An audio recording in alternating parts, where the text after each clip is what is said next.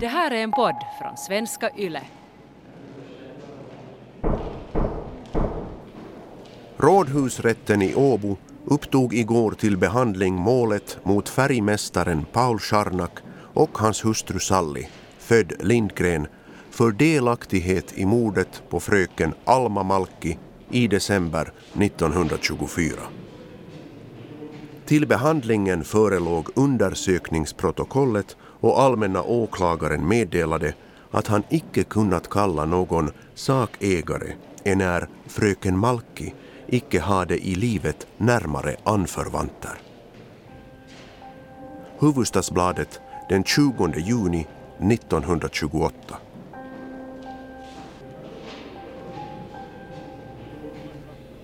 I rådhusrätten i Åbo har Paul och Sally Scharnak ställts inför rätta för delaktighet i mordet på kontoristen Alma Malki.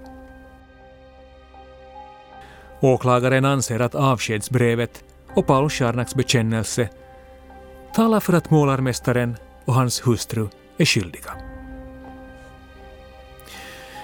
Försvaret hävdar i sin tur att Scharnak inte kunnat skriva Alma Malkis avskedsbrev eftersom hans modersmål är tyska. Dessutom ska bekännelsen ha framtvingats under hot. Ska den skyldige någonsin finnas och en dom förkunnas eller ska Alma Malkis mördare gå fri? Du lyssnar på den fjärde och sista delen av finlandssvenska krimpodden Dagen då Alma försvann. Mitt namn är Petter Lindberg. Rådhusrätten under Knut Havila sammanträder två gånger under försommaren år 1928. Vittnen hörs, de åtalade utfrågas och ett flertal gånger rekapituleras historien om hur Paul Scharnak kidnappat Alma Malki på Hotell Standard. Transporterat henne till familjens villa och därefter i en roddbåt på väg ut till en avlägsen ö dränkt henne i det iskalla vattnet. Som känt nekar Paul Scharnak till alla åtalspunkter och hedrar att han under press hittat på allting. Envist håller han fast vid att roddturen och drunkningen är rena fantasier. Och i brist på teknisk bevisföring har åklagaren svårt att binda honom vid brottet. Det finns ändå en person som domare Hovila ställer sina förhoppningar till. Direktör Lindgrens äldste son Eero har redan tidigare berättat för polisen att hans syster, bror och svåger haft något lurt för sig. I förhör framgår det också att Eero försökt sko sig på sin kunskap genom att idka utpressning mot sin egen mamma. Fru Lindgren har garanterat känt till barnens avsikt att undanröja pappas älskarinna. Ja, kanske har hon rent av varit initiativtagare och gett dem sin välsignelse att fullborda de ondskefulla planerna. Mamma är medskyldig och mamma har pengar och det är förmodligen det som får Eero Lindgren att inför en superkompis skryta att han endast mot betalning håller tyst om vad som hänt med Alma Malki. Järnvägstjänstemannen Bruno Kling hördes om det besök fru Kling tillsammans med Eero Lindgren avlagt hos honom i Rihimäki. Kling vidhöll att fru Hanna Kling sagt att de hade trumfar på hand gentemot fru Lindgren. Och Eero Lindgren hade genom böjningar på huvudet angett att han medgav riktigheten av detta. På svarande ombudets fråga huruvida fru Kling och Eero Lindgren vid detta tillfället varit berusade svarade vittnet att detta i någon mån varit fallet. Han framhöll vidare att det som sagts vid detta tillfälle i mycket varit tomt prat men att han hade det bestämda intrycket att under detta prat låg fakta som grund.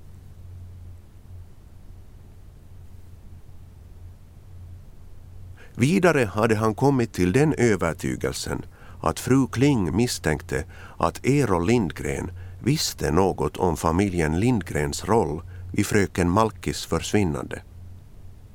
Eero hade dock icke med ett ord berört denna sak, men väl böjt medgivande på huvudet då hon sagt att man kunde få penningar av fru Lindgren. Åbo underrättelser den 4 juli 1928. Enligt järnvägstjänstemannen Bruno Kling visste Eero Lindgren vad hans syskon och svåger gjort med Alma Malki. Men mot en tilltagen penningsumma var han beredd att hålla tyst.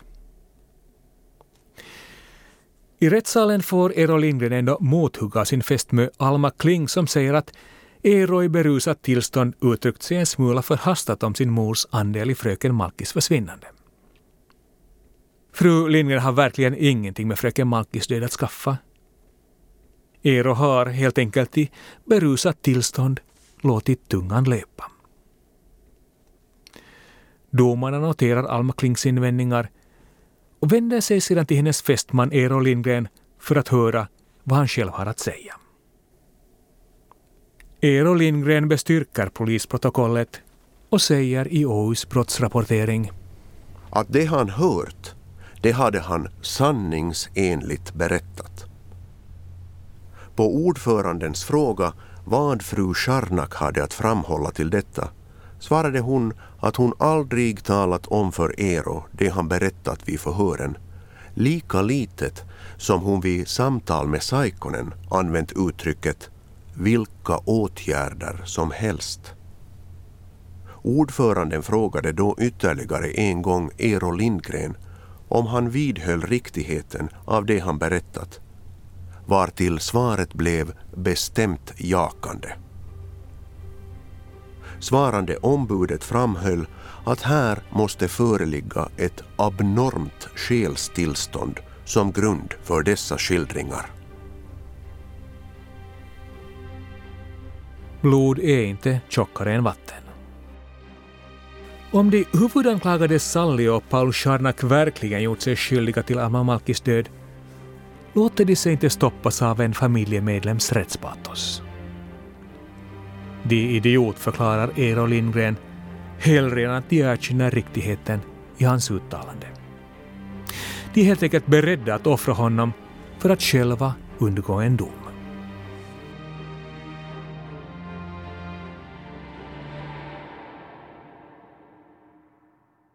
Ju längre rättsprocessen pågår, desto mer verkar det handla om familjen Lindgrens sammanhållning.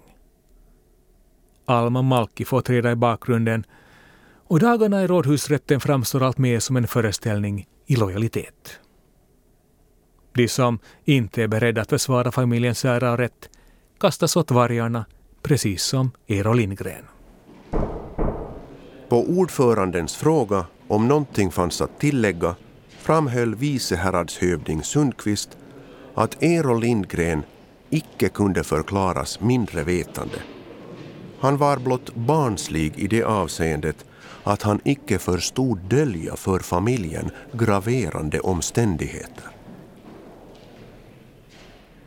Med finter och en total sammanhållning lyckas familjen Lindgren skaka av sig den ena åtalspunkten efter den andra. Samtidigt visar det hur starkt familjebanden knyter dem samman. Inget tycks bita på dem och åklagaren Sundqvist verkar till slut tröttna på den rättsliga processen som alltmer kommit att handla om sannolika scenarier än faktiska händelser som med hjälp av teknisk bevisföring kan säkerställas. Sundqvist gör ännu ett halvhjärtat försök att kullkasta Jaakkolas påstående om Eero Lindgrens sviktande hälsa. Men ju längre han talar desto snårigare blir hans resonemang. Och plötsligt förefaller det som om åklagaren helt enkelt fått nog av allting och meddelar den samlade domarkåren och alla andra i rättssalen att han är beredd att överlämna målet till avgörande. Åklagare Sundqvist önskar ett avgörande även om alla vittnen ännu inte hörts och det förmodligen ännu finns uppgifter som kunde leda till en fällande dom. Men Sundqvist vill nu få ett snabbt slut på rättsprocessen. Ja, han avstår till och med från ansvarsyrkande gentemot fru Scharnak eftersom det vid målets behandling inte framkommit giltigt bevismaterial. Fru Sally Scharnak frikänns alltså på samtliga punkter. Men också för hennes man Paul Charnak har åklagaren ett oväntat glädjebesked att komma med.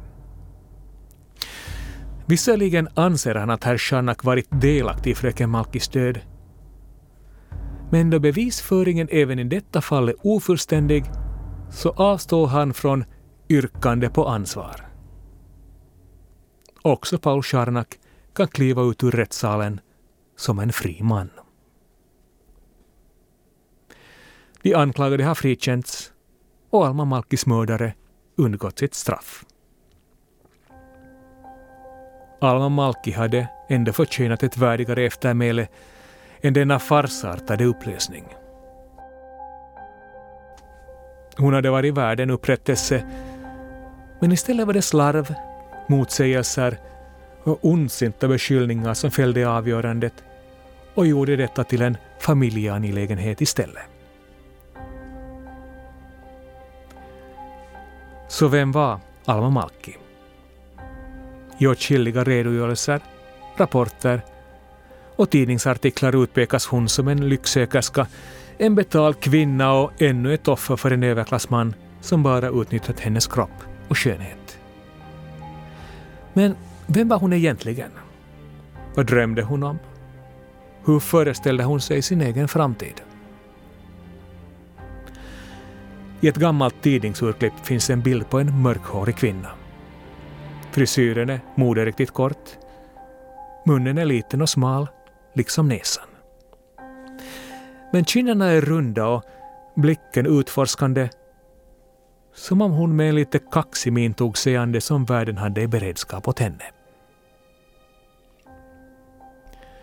Jag tycker mig urskilja en levnadsglad och viljestark person som man helst inte skulle opponera sig mot.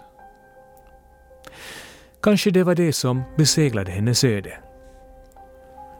Att hon inte skådade faran utan intalade sig att en ensam arbetarkvinna kunde rå på en överklassfamilj med pengar, anseende och makt. Rådstyrätten avkunnar utslag. Båda svarandena frikännas.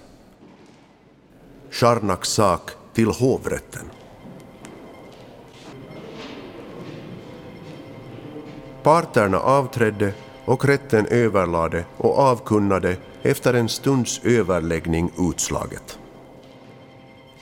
Enligt detta finner rådstyrrätten klarlagt att fröken Alma Malki den 31 december 1924 på Runsala funnit sin död för annans hand. Då full bevisföring dock icke presterats mot de anklagade förkastas åtalet och svarandena försättas på fri fot.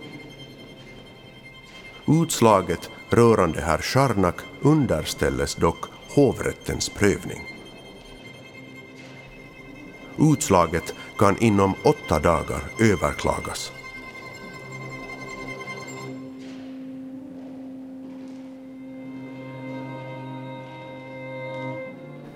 Du har hört det fjärde och sista avsnittet av den finlandssvenska krimpodden Dagen då Alma försvann. Med uppläsning medverkade Niklas Åkerfeldt. Ett särskilt tack går till Dan Frände för juridisk konsultation. För ljuddesignen stod Jyrki Häyrinen. Producent var Staffan von Martens och jag som stod för manus och regi heter Petter Lindberg.